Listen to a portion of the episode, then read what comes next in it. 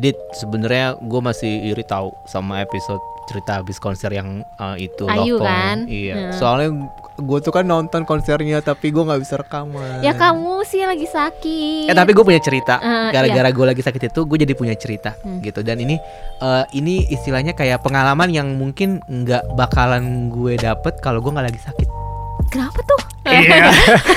Kesannya kayak lo antusias banget gitu ya. Padahal kayak gue udah denger cerita lu. kayak antusias banget gitu ya. Hmm. Oke, jadi waktu eh, kebetulan kan gue memang nonton dua hari Hmm. dan sebelum gue beli tiket dua hari itu kan gue nggak tahu kalau ternyata gue akan sakit kan. Jadinya eh, ya udah nih semuanya berjalan istilahnya kayak gue pengen semuanya berjalan sesuai rencana. Tapi pada hari itu di hari di hari Jumat Sabtu dan Minggu kebetulan gue kayak eh, di minggu-minggu yang sangat hektik banget yang kayak gue harus ke rumah sakit dan segala macam.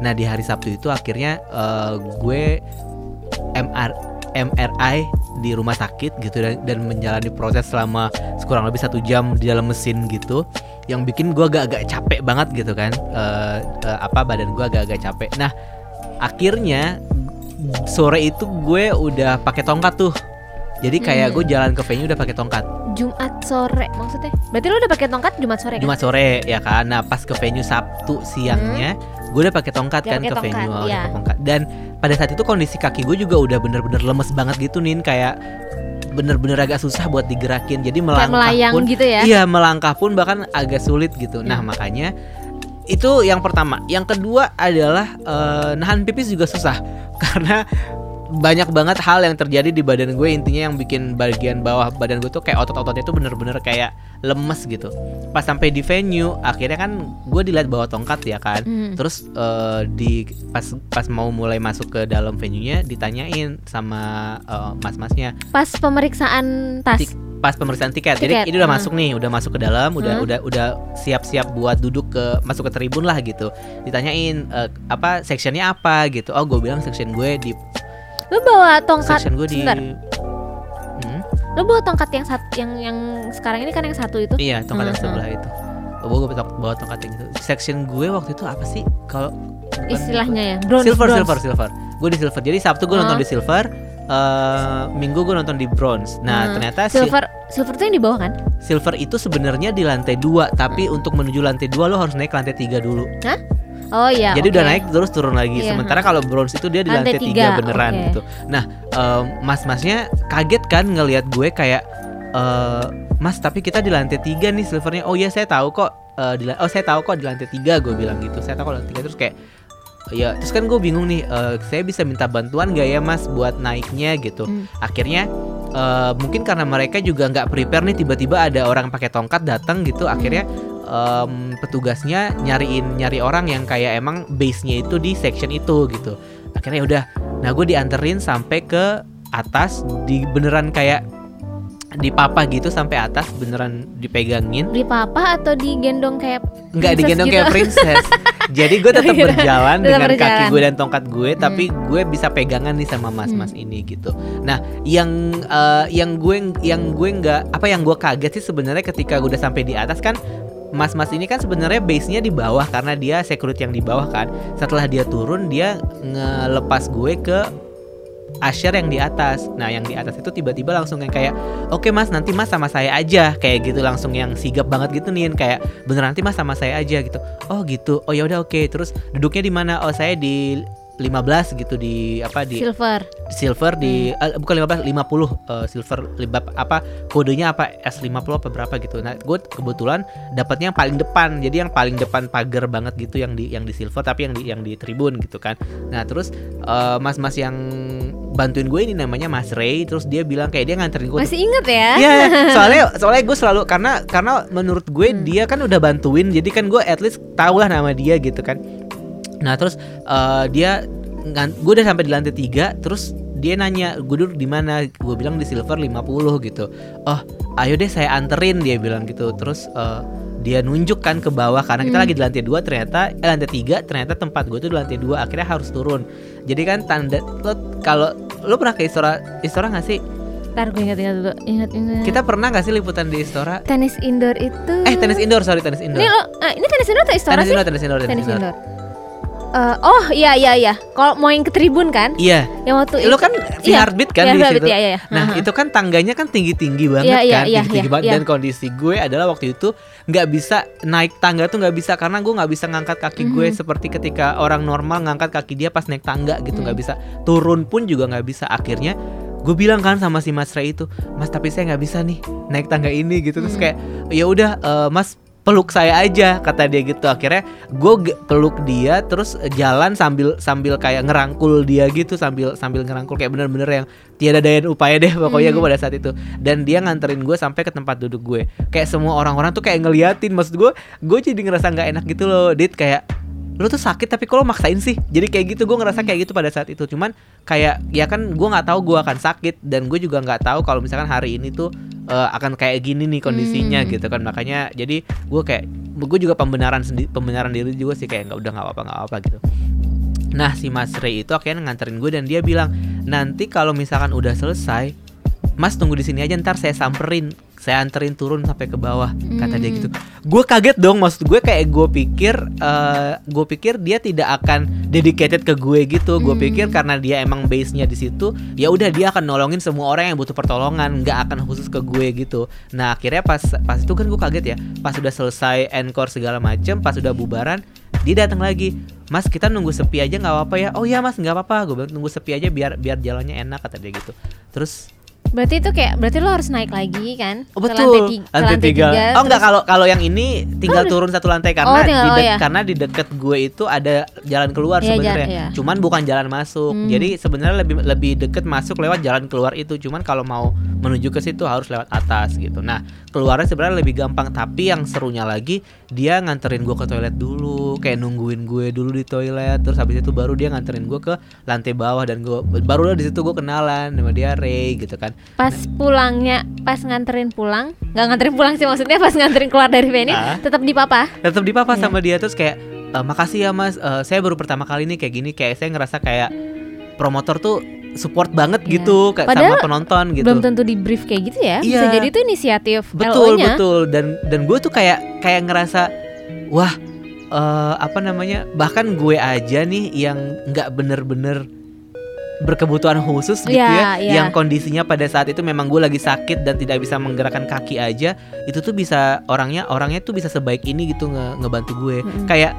yang gue nggak bisa nggak bisa berhenti buat ngebandingin sama Asher yang waktu itu di konser EXO yang ganteng-ganteng banget semuanya Tapi diem, cantik-cantik ya. banget semuanya Iya, tapi iya. diem semuanya gitu loh kayak tapi yang ini tuh bener-bener Iya.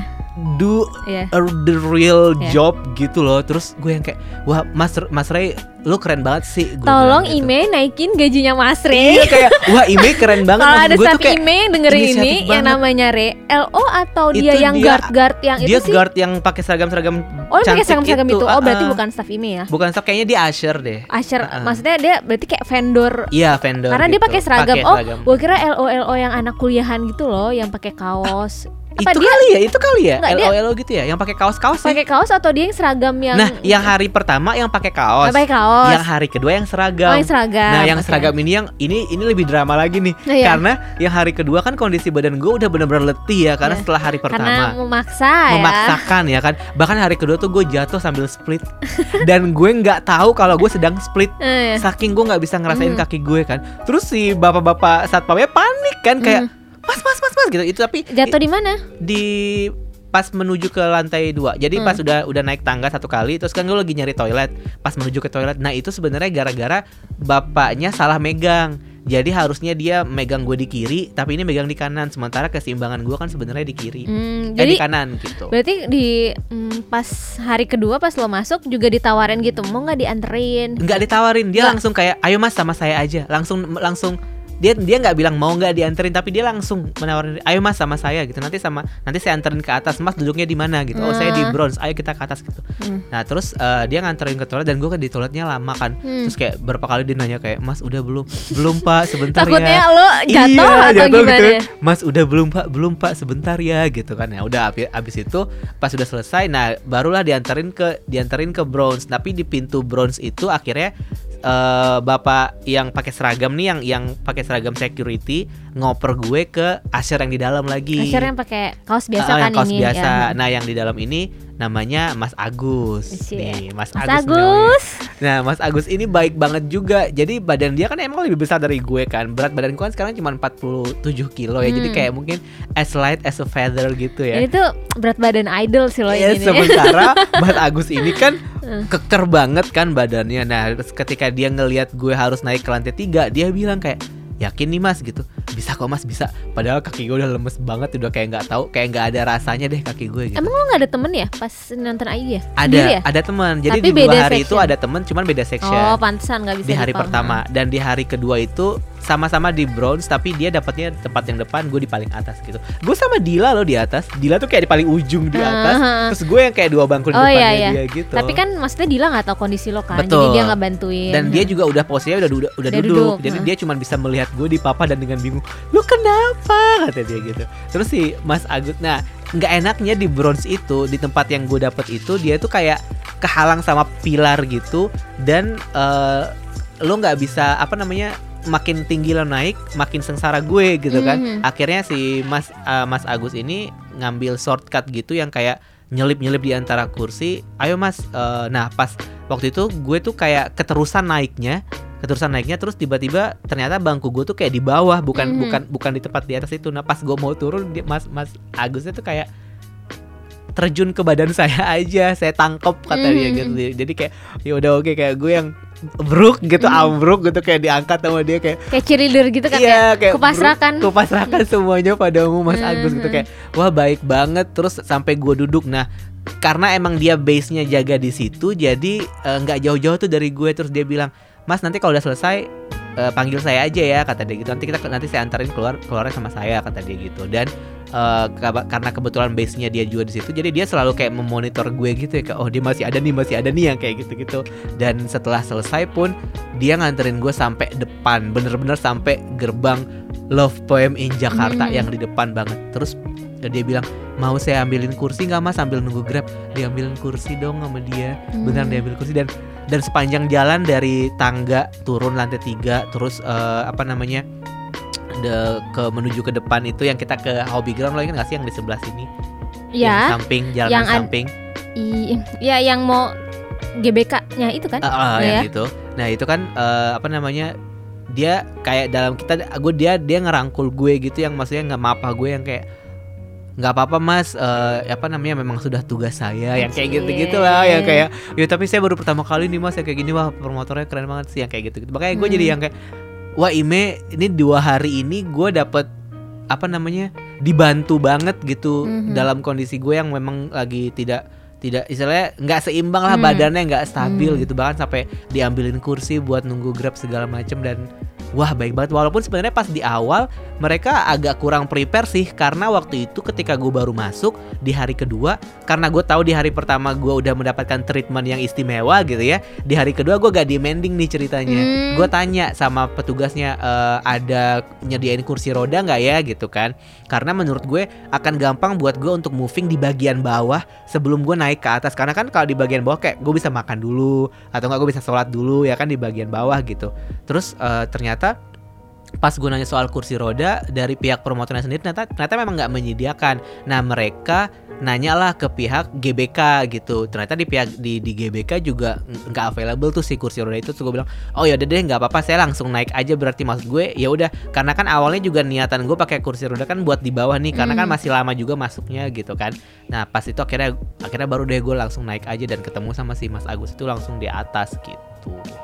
Jadi kayak Hmm. wah baru pertama kali loh Iya, dit iya, kayak gitu dan makanya penting juga eh, maksudnya Untuk suatu promotor ya ah, disitulah- menyediakan informasi atau kami memfasilitasi yang berkebutuhan Mm, khusus. di situlah akhirnya Heeh. Gue punya ide buat sharing cerita ini Iya, iya, gitu iya. dan dan buat nanya, nanya juga sama beberapa orang karena waktu itu waktu ada apa namanya gosip-gosip Zayanti mau konser tunggal di Jakarta temen gue tuh ada yang suka banget sama Zayanti tapi dia udah udah hamil gede banget udah Mhm. kayak 8 bulan apa apa tapi dia pengen banget nonton kata dia gitu nah salah satu temennya pernah bilang eh, temen gue namanya Kantik dan temen-temennya dia ini namanya eh, Mbak Ica. Mbak Ica ini pernah bilang kayak dulu gue juga nonton kok pas lagi hamil gitu per nonton konser dan gue bisa tuh request sama promotor gitu. Oh, maksudnya kayak bilang kalau gue tuh lagi hamil tapi gue pengen nonton. Nanti mereka akan nyediain kok kayak nyediain space space khusus sama nyediain istilahnya kayak eh, apa namanya treatment khusus lah buat ibu hamil gitu. Makanya sejak saat itu pas gue gue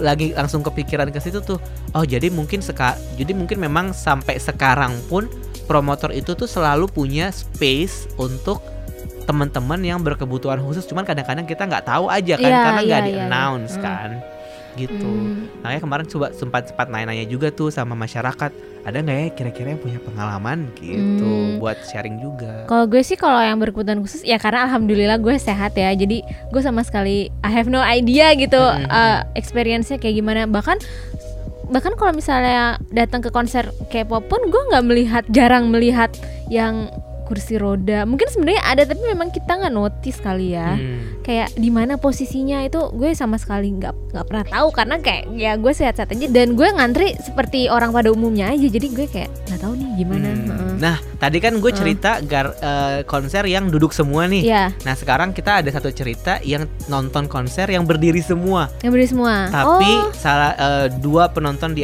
di antaranya mereka hamil. hamil. Satu satunya hamil, hamil. yang satu lagi memang eh, penyandang disabilitas. Heeh. Nah, sekarang kebetulan eh, ada satu teman kita dari Malang nih, jauh banget dan dia karena dari Malang jadi nggak bisa kita hadirkan ke Iya. studio podcast. Padahal tadi main kita bayarin ya tiket pesawatnya ya. banyak duit kita ya memang ya. Jadi eh, karena kita pengen banget dengerin pengalamannya dia dan jujur aja kali ini nggak seperti yang sebelum-sebelumnya tuh kan kayaknya kalau ngomongin soal fandom tuh cepet banget ya nemu orang yang kayak iya aku Iya, pernah iya, begini iya. aku pernah begitu gitu. Nah kalau yang ini tuh kemarin pas gue nge-tweet tuh kayaknya sedikit gitu. Nah untungnya eh, salah satu followers gue di, di Twitter namanya Ayu dia eh, ternyata pernah nemenin dua orang satu satu adiknya satu lagi temennya yang eh, berkebutuhan khusus gitu. Hmm, jadi hmm. eh, dia nemenin mereka buat nonton konser kita sapa dulu ya Hai Ayu Halo. Hai terima Halo. kasih udah mau di iya terima kasih lo udah mau ditelepon ya Ya, sama-sama Kak Ron. Dika. apa kabar nih hari ini Eh, baik, baik. Ini kamu perdana loh kita melakukan phone ya? by phone kayak Iya, gini ini iya. perdana loh di podcast kekoreaan. Aku sendiri sebenarnya senang juga sih kan karena juga ini ya sering dengerin podcastnya kalian berdua. Kapan kapan hari kan ada yang episode waktu ini ya EXO ini apa? Konser. Konser EXO. eh, nah itu kan ada kalau nggak kalau nggak salah aku dengerin ada salah satu yang dari Malang juga ada yang cerita tuh kak. Mm-mm. Oh iya iya iya yang dari mana? Ah, Iya. Yang terus dari- dalam hati aku iya. kayak gini. eh kapan ya aku ya?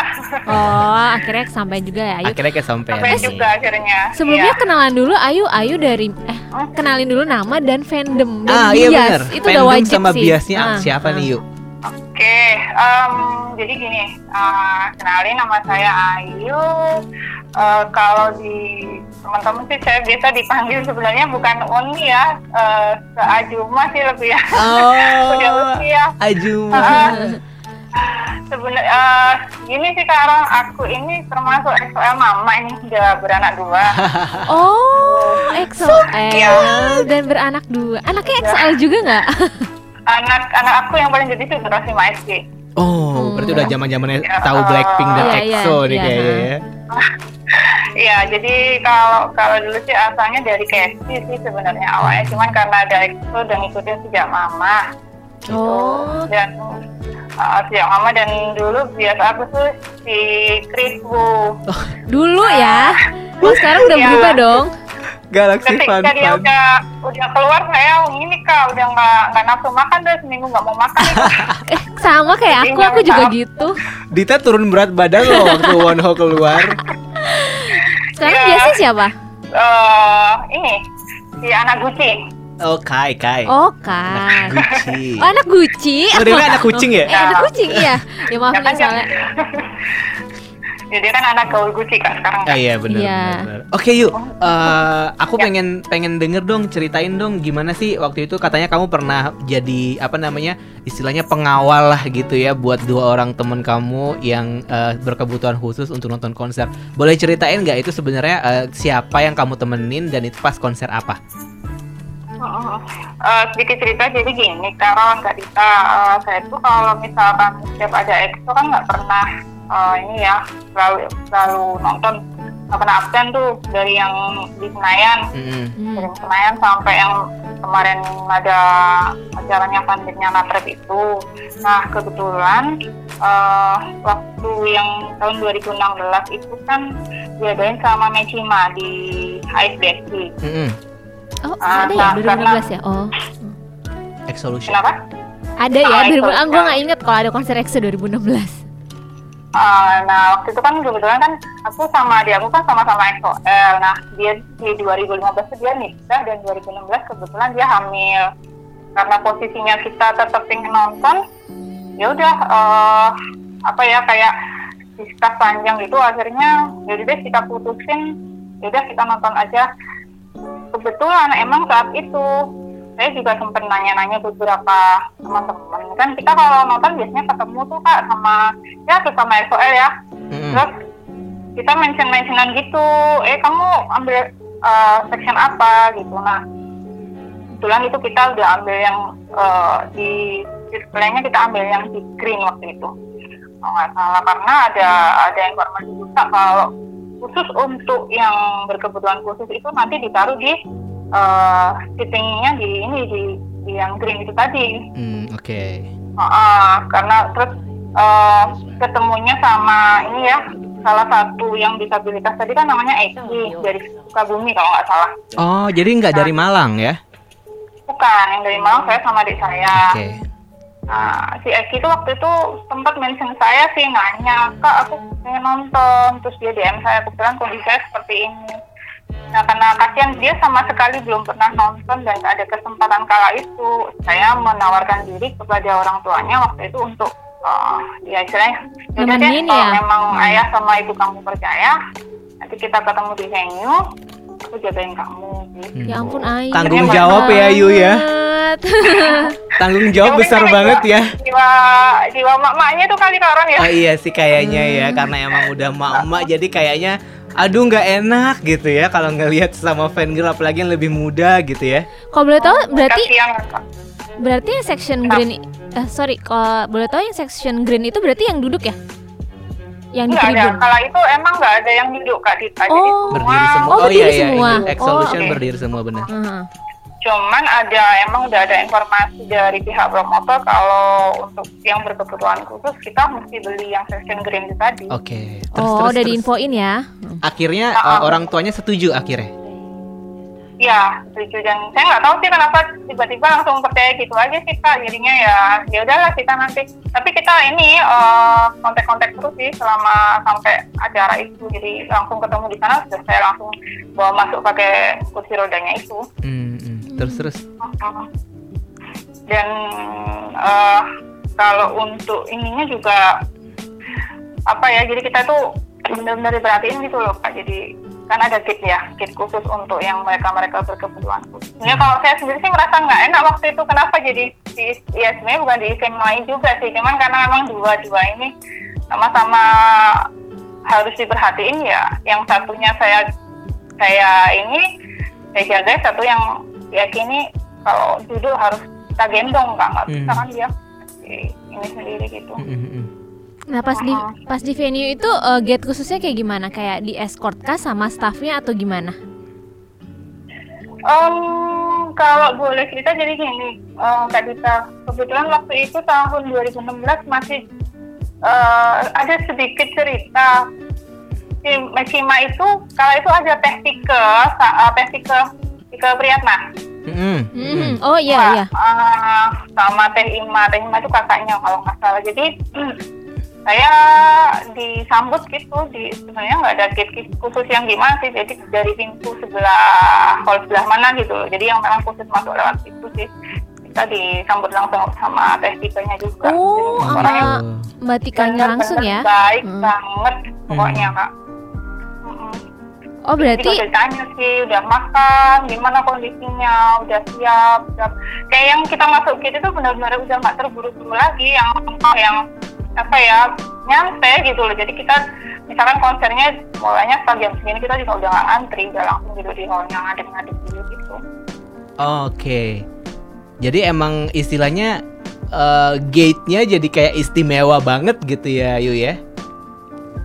Iya, sebenarnya kalau dibilang istimewa juga enggak sih Kak Aaron, cuman ya karena untuk khusus sebenarnya ini yang di situ yang hamil pun bukan cuma adik saya ada beberapa banyak sih dari kota-kota macam-macam dari Jakarta juga ada. Memang mereka masuknya dari situ semua kak. Oh berarti emang emang oh. ya emang istilahnya sebenarnya secara secara secara apa istilahnya kayak nggak ada sih sebenarnya gate khusus. Tapi memang kalau kita bilang ke promotor bahwa kita uh, adalah uh, butuh gitu mereka akan menyediakan pintu masuk yang yang istilahnya lebih istimewa gitulah ya bisa dibilang kayak oh, iya. gitulah ya. Mm-hmm. Uh, jadi gini ada satu hal yang aku lupa ceritain itu kalau yang hamil itu kan kayak ada surat pengantarnya itu kan dari dokter. Oh, Oke. Okay. Itu harus wajib lampirin ya? Ya kita oh. cantumin. Hmm. Da, dari awal sebenarnya kita ini dulu sih kita kirim email dulu. Sesudahnya nanti kita bawa di sana kita tunjukin. Udah dari situ kita langsung masuk ke kiri yang khusus untuk berkebutuhan khusus ini tadi. Oh, oke. Okay. Hmm. Jadi prosesnya adalah uh, kita kasih tahu dulu ke promotor bahwa ada ada penonton yang memang sedang uh, butuh apa istilahnya perhatian lebih termasuk ibu hamil dan juga yang penyandang disabilitas. Habis itu uh-huh. nanti mereka akan minta surat keterangan dari dokternya gitu ya. Bener nggak sih ini ibu hamil kayak gitu ya? Dan itu semuanya via yeah. email gitu. Mm-mm, okay. via email nanti kita tinggal bawa aja pada saat hari hanya itu. Hmm. Berarti Ayu yang mendampingi pun uh, jadi ikutan masuk uh, gate itu juga ya, gate yang kebutuhan khusus ya, juga. Oh, karena nemenin ya. Sih, tadi makanya saya tadi bilang nggak enak sih sempet kan kayak gini ya. Uh. Uh, kan saya sehat-sehat aja sih nggak uh. apa-apa. Saya, saya sempat bilang sih gimana ya kak. Ya udah nggak apa-apa kan kamu yang jagain. Masa ya bu kasih yang gendong Iya iya betul sih. Ya, udah kamu jagain berdua dan ikut duduk aja masuk itu. Hmm. Nah, posisinya pas sudah masuk itu kayak gimana? Katanya berdiri semua pas uh, pas konser yang waktu Kalau itu. Kalau yang di untuk di apa? di green itu tadi sih emang udah disediakan tempat duduk-duduk sendiri. Nah, jadi jadi kan kalau misalkan di konser dari sitting plan-nya dari yang depan sampai belakang. Nah, green itu kebetulan yang di belakang sendiri memang. Tapi di belakangnya green itu ada kayak berunda gitu disediain mungkin antara berapa kursi ya? Saya lupa sih kak. Mungkin sekitar 50 sampai 100 kali. Mm-hmm. karena yang disabilitas tadi orang hamil sama bagian belakang itu krunya dari Medima sama kayaknya ada yang untuk wartawan-wartawan ngeliput itu. Oh, oh gabung sama kursi wartawan ya okay, okay. benar. Pas konser berlangsung selain Ayu dan uh, satu tem satu teman dan adiknya Ayu itu ada ada yang lain juga nggak yang disabilitas banyak sih kak. Banyak ya. Hmm. Terutama yang yang ibu-ibu hamil tuh banyak itu. Oh lebih banyak ibu hamilnya ya. Hmm. Kayaknya mereka memang berharap anaknya akan mirip EXO, jadi aku harus nonton gitu kayaknya ya. Terus biar dilus-lus ya. Kayaknya sih gitu ya, tapi hmm. hamilnya hamil, hamil online gitu kali ya. tapi setelah setelah yang 2016 itu, uh, kamu sama adik kamu sempat nonton lagi nggak dengan treatment yang sama? Mm, enggak, kalau setelah 2016 adik aku adik aku kan udah ini udah Oh, udah lahiran ya. Hmm. Berarti oh, udah sibuk terakhir. Hmm. Jadi saya setelah itu sih nontonnya yang di musik bank itu sih Kak sama yang kemarin ada Nature Republic. Hmm, oke oke. Oh, oke. Terus uh, sejak apa namanya dua, di 2016 itu menurut kamu informasi dari promotor soal uh, fasilitas fasilitas khusus kok tiba-tiba fasilitas gitu fasilitas khusus untuk teman-teman uh, apa namanya penyandang disabilitas menurut kamu udah terdengar nggak sih sebenarnya uh, dari promotor-promotor kita? Atau mungkin selama ini kamu perhatiin apakah bagian itu selalu di highlight atau malah justru karena udah jarang ada yang request pada akhirnya udah nggak di highlight lagi akhirnya lupa gitu kalau yang kamu perhatiin sekarang ini gimana? Kayaknya menurut aku sekarang udah nggak ada info seperti itu lagi deh kak. Hmm. Soalnya kalau boleh flashback cerita masalah itu tadi ya, uh, pada saat kita dulu ada konser itu kan dikasih tahu tuh uh, rulesnya seperti apa. Terus, nah di situ tuh kan saya sempet sebenarnya saya yang aktif duluan di email mereka. Saya bilang teh atau uh, kak ini ada adik saya kebetulan hamil terus ini juga ada uh, temen yang lagi disabilitas tapi pengen nonton gimana. Nah kita yang sering aktif kalau mereka emang belum reply email kita saya ini terus kak. Saya kirim terus kebetulan uh, untuk teh Tika sama teh Ima ini memang benar-benar dulu kayaknya memang disupport gitu sama mereka berdua dan saya tuh benar-benar merasa excited gitu di luar ekspektasi karena Hmm, ya mereka baik banget dan dari pihak promotor juga sangat aktif menginformasikan fasilitas ini dengan diupdate di Twitter ya kalau dulu Iya, kan betul. kita Hmm. uh, kayak gitu sebelum hari H itu kita sudah diinformasiin lewat akses mana Gue juga aware soalnya soalnya. Tapi eh, bentar, Um, kalau boleh dipotong berarti eh, Ayu request email dulu baru Mechima Mechimanya itu sama Mbak Tikanya langsung kasih informasi atau sebenarnya dari awal udah ada informasi itu? dari awal ada informasi Oh. tetapi informasinya belum ini kak Belum detail ya? yang terlalu detail Oh. Ah, dia hanya menginformasikan apabila ada yang ingin nonton tapi mungkin berkebutuhan khusus disarankan untuk membeli Iya, uh, Oh. tiket yang eh, yang green itu yang belakang ya. Gue Oh ingat itu udah udah ada Iya, infonya. gue ingat waktu itu ada info itu memang sebenarnya. Oh. Tapi yang cerita yang eh, kayak yang diceritain tadi, gue baru tahu tuh kayak oh Yang ternyata harus email behind dulu. the scene-nya tuh kayak Aha, gini aha. gitu. Biar lebih detail lah. jadi Hmm.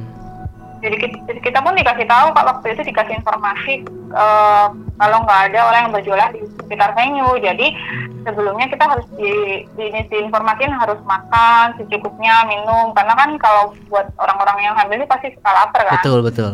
Oh, sampai diinformasikan seperti itu ya? Hmm, tapi itu informasinya ka- karena saya yang sering ini aja aktif nanya-nanya Aktif nanya. gitu sih kak Aktif Hmm. nanyanya Lewat lewat Oh. email. Lewat email apa lewat Twitter? email-emailan gitu Email ya, Oh, email-emailan. Email-emailan gitu.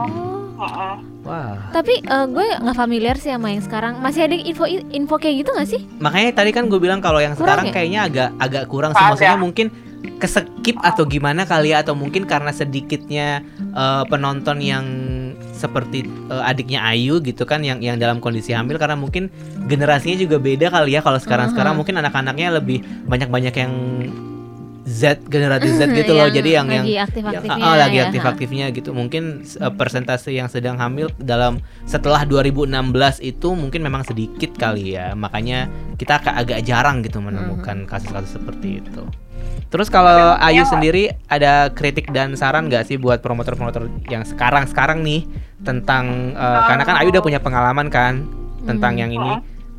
Gimana? Sebenarnya gini sih kalau kalau sekarang saya nggak ada sih kalau kritikannya sih kayak gini kan kayak yang dirasain sama adik saya sendiri sih karena dia hamil kepengen nonton jadi eh, ada ada ini seperti itu ya di dikasih ketemu dan seperti itu dia senang banget gitu jadi Hmm. santai maksudnya tuh nggak terburu-buru Hmm. terus bisa ikut nonton juga. Nah ke depannya sih kalau gitu sih yang yang uh, aku tahu kayaknya sih kayaknya sih ya kalau misalkan akunya juga nggak terlalu merhatiin juga minta maaf ya. Jadi sepertinya belum ada lagi yang uh, merhatiin sampai ke sana gitu. Hmm. Jadi harapanku sih uh, di semua konser K-pop nggak hanya di Expo pun akan ada seperti ini. Jadi bisa memperhatikan penonton dengan kebutuhan khusus. paling karena enggak di highlight lah ya supaya mungkin Ya. eh, akhirnya penonton yang merasa mereka memang berkebutuhan khusus jadi nggak malu gitu atau nggak takut buat nonton karena ternyata memang promotor tuh memfasilitasi Difasilitasi, ya. gitu jadi eh, at least disebut lah kalau misalkan memang ada kalau misalkan memang ada yang ingin nonton dan merasa be- mem- apa eh, membutuhkan gitu ya Hmm. yang eh, fasilitas khusus gitu at least promotor tuh sebut jadi orang-orang pun jadi nggak takut ya nggak sih yuk Hmm, benar-benar kak. Jadi kayak gitu sih. Soalnya kemarin saya perhatiin yang eh, terbaru itu kayaknya juga nggak ada sih kayak ya, yang himbauan-himbauan gitu kayak Hmm. eh, orang-orang yang kepengen nonton, cuman mereka ter- terhalang atau terbatas dengan eh, kondisi dan situasi mereka. kekurangan. Iya benar, benar. Kayak gitu aja sih. Kalau kalau kalau kalau saya sih kepengennya nanti next time yang nggak hanya berlaku di X lagi di yang lain-lain, which is di negara kita kan banyak banget kalau ada konser pasti out, sold out gitu kan. Betul dan Mhm. tidak menutup kemungkinan teman-teman kita yang berkebutuhan khusus juga pengen ya merasakan eh, istilahnya Ya. euforia konser itu Hmm. gitu. Apalagi misalkan yang lagi Ya. hamil tuh kan kayak bawaan orok gimana dong gitu kan. Suara apa maksudnya? Suaranya yang apa gede-gede itu kan mbak kenapa biasanya musik klasik Iya, gitu biasa kan, musik klasik. tiba-tiba wow mama gitu kan kocak juga sih ya. Oke deh Ayu terima kasih banget ya udah mau diwawancara sama kekoreaan hari ini. Ya. ya eh, kalau misalkan Sama-sama, kamu ya kalau misalkan kamu masih kontak-kontakan sama temen yang dari Sukabumi titip salam buat dia dan Iya, salam eh, buat adik kamu juga. namanya siapa? Ya, nanti tak sampaikan. Kalau yang di Sukabumi itu Eki, yang kemarin Eki. kita main bertiga itu Kak Ron. Oh, yang iya, Satunya uh, minta Oh, Eki. saya. Nanti deh Hmm. saya salamin. oke terima kasih Ayu ya atas waktunya Makasih. Dadah. Makasih lagi. Sukses terus. Bye. setelah mendengar cerita dari Ayu Ayu dan Loron apa tentang apa konser pengalaman pengalaman eh, orang disabilitas saat konser tuh kayak wow ini sangat penting ya. Mm-mm. karena gue karena gue kan selalu sehat nih alhamdulillah. Tapi kayak gue tuh kayak selalu nggak nggak ambil perhatian dengan orang-orang orang-orang yang berkebutuhan khusus. Ternyata mereka punya passion dan semangat konser yang sama tapi kadang merasa aduh bisa nggak ya? Bisa nggak ya Betul. nonton dengan segala kekurangannya? Tapi sebenarnya pas gue dengar ceritanya uh, cerita Ayu dan lo kayak sebenarnya bisa nih mereka ikut asal uh, promotornya ikut memfasilitasi gitu Mm-mm. jadi kan ini kan uh, dapat cerita bagusnya dari saat itu Ima nonton konser Exo Exolution Exolution ya? Ayu eh bu- Ayu eh, si Ayu si Ayu ini nonton Ah, konser Exo Exolution. Exolution yang waktu itu uh, di bawah masih di bawah Mechima Mm. itu berarti saat itu memang uh, dia sendiri juga bilang kan Mechima tuh bagus banget Betul, responnya kayak di emailnya responnya juga bagus gitu kan tapi memang gua nggak tahu nih yang sekarang nih karena kan Mm. uh, ya yang ceritanya si Ayu kan udah lama ya. Terus uh, ada- lagi yang dari lo yang dari Ime. Ime juga bagus LO dan apa LO dan security-nya juga sigap. Ini Mm-mm. kayak emang jadi suatu pelajaran bahwa untuk semua promotor untuk lebih peka sih terhadap isu-isu yang Benar, orang disasi- disabilitas. Kemarin gue sempat baca di Twitter, jadi eh, ini Q sih yang waktu oh itu men- iya iya. mention mention ke gue tweet dari tweet dari orang yang pernah nonton konser Dongbang Shinki waktu Ya, itu. dia dia yang di kerdil itu kan sih?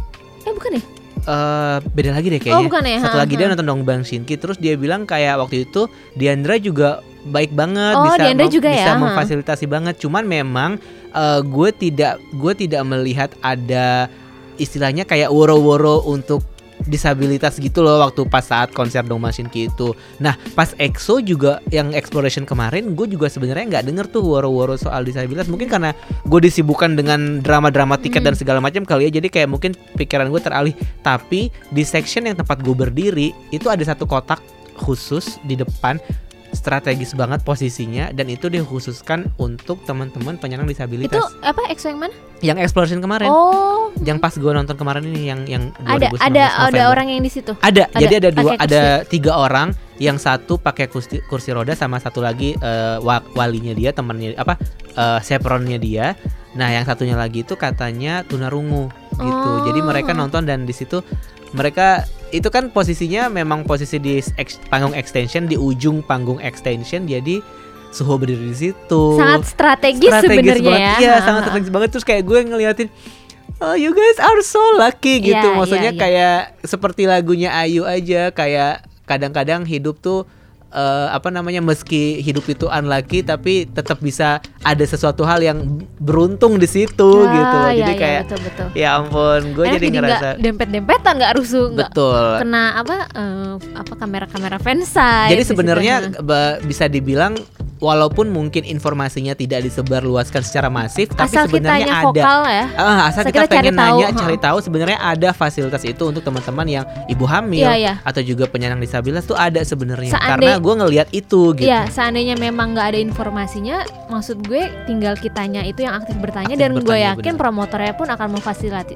Memfasilitasi. itu sih. Ah, jadi nggak ada alasan Iya. untuk kayak misalkan takut misalnya ya gue kan ini nih eh, lagi di kursi roda Iya, takut deh iya, kalau ha. nonton gimana tapi gue pengen banget ngelihat dia Mhm, kayak gitu kan sebenarnya bisa aja tanya aja asalkan kayak tadi eh, kalau tadi kan kasusnya memang eh, si Ayu sama adiknya emang sama-sama suka nih Iya. kadang-kadang kan ada orang yang kayak misalkan di satu keluarga kayak cuman gue doang yang suka gitu terus tapi kakak gue nggak mau nemenin gue gitu kan untungnya tadi ada orang kayak Ayu ini Iya. sih ya jadi bisa baik banget mau nemenin dia gitu Iya, eh, tapi eh, kayak gue pernah cerita deh yang waktu kon nggak sih ini di luar dari topik sih yang konser Jejong gue juga pernah tuh dititipin kayak gitu. Hmm. Gue udah pernah cerita belum sih? Belum. Jadi pas uh, fanmeet Kim Jejong, jadul banget fanmeet Kim Jejong tuh uh, ternyata tuh ada anak masih SMP dia ikut fanmeet tapi dia sendiri. Nah abangnya, abangnya tuh kayak cuma nganterin sampai gate kan. Terus pas nganterin karena nggak beli tiket nggak beli tiket Ah. jadi bener dia sendiri. Kayak terus dia ngeliat gue karena uh, di depan anak kecil itu gue terus dia nitip gue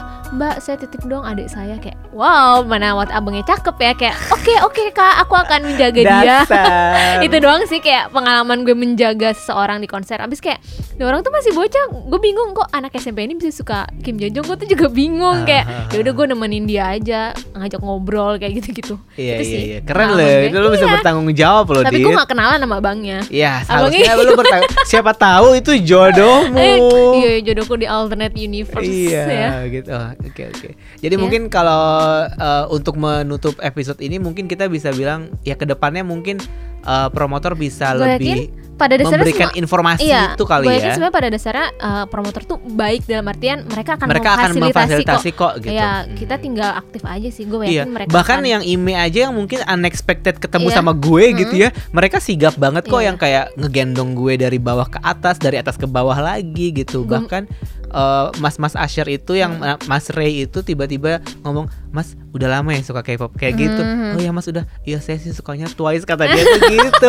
Oh iya, saya juga Iya. suka Twice. Biasanya Jihyo. Oh, kalau saya sana kata dia gitu. Oh iya dan Ah. oke oke. Jadi kayak jadi maksudnya mereka juga ramah sih sebenarnya dan dan instead of menggunakan mereka untuk berdiri jangan lari-lari ya jangan lari-lari ya gitu. mendingan mendingan dimanfaatkan dengan hal-hal seperti ini gitu loh yang kayak kerja nyata gitu Iya, iya. membantu yang emang harus dibantu gitu Gue yakin promotor juga nggak akan seignoran itu loh, nggak sejahat itu Betul, juga kayak betul. akan nyuekin orang-orang yang berkebutuhan khusus. Gue yakin Hmm. pada dasarnya eh, manusia baik ya gimana? ya? Maksudnya gue yakin promotor ini udah menjadi kewajiban, Sudah ya, ya. udah menjadi kewajiban mereka untuk udah mempertimbangkan segala eh, macamnya memfasilas- lah memfasilitasi eh, yang berkebutuhan khusus. Jadi kalau misalkan teman-teman yang berkebutuhan khusus ingin nonton misalkan ya gue lagi hamil tiga bulan nih atau lagi hamil tujuh bulan gitu kan misalnya ya hati-hati asalkan maksudnya asalkan jangan jingkrak-jingkrak pengen gitu sih gue ha- kan. pengen sih gue hamil-hamil gitu nonton konser kayak Ya gue doain deh. Iya terus lihat Siapa Shonu tahu nanti- kayak anak gue nanti ganteng Iya, kayak Shonu bener, tuh jodohnya kayak Siapa tahu Shonu etis yang lo tonton ya Iya. kan mungkin You monsaiz know, hiatus ya. dulu gitu. Anjrit. Ya, jadi gue pengen anakku setinggi Yuno gitu Iya, iya, suaranya bagus kayak Jongho pengen sih gue kayak ah, berefek nggak ya sama soalnya nih yang eh, apa yang ka- officer eh, kasus officer ini jadi dia tuh eh, hamil terus eh, pas dia hamil tuh dia sering banget nonton drama Korea. Anak itu jadi lucu banget kayak orang Korea. Gue merasa tuh kayak ngaruh loh. Serius. Serius ini gue. Wow. Tapi kayak anaknya tuh lucu banget. Iya karena eh, kok ah, anaknya lucu banget sih kayak orang-orang Korea? Iya karena gue pas hamil tuh gue suka banget nonton drama Korea. Kayak Wow Ah, kayak, berarti oke. emang itu ya mind control ya. Iya betul. Kayak wah gue nanti harus nih nonton konser. Oh, iya berarti bener. Lo harus, lo harus prepare ya. Anakku setangguh Juhon, setang, eh, seganteng Minyuk, apa setalented Ayem, aku ingin seperti itu. Terlalu banyak beban anakmu kayaknya Dit. Jadi kayaknya pusing jadi anakmu nanti. Anyway, Ya. eh, itu dia obrolan kita hari ini di podcast kekoreaan. Semoga bermanfaat dan bisa memberikan sedikit insight lah Saya, ya. ini karena ini episode menurut gue Agak beda, sih, Beda ya. agak beda sih karena ini juga kemarin iseng-iseng kayak Dit kita bahas ini yuk karena Ya. kayaknya seru deh gitu. minggu depan bahas apa nih Ron? Apa ya? Nggak lagi ngaring seru gak sih? Ada dong yang seru. Gimana kalau kita bahas Aizwan aja? Hah? Katanya mereka mau comeback loh Februari. Oh ya, boleh deh kita tunggu ya. Kita undang siapa ya? Aizwan Indonesia. Itulah Gustam lagi lah. Oh, Gustam. Undang Gustam Gusta lagi. jauh di Kalimantan. Coba nanti kita cari siapa yang bisa diundang. Oke, thank you. Sampai ketemu minggu depan. Annyeong. Nyong.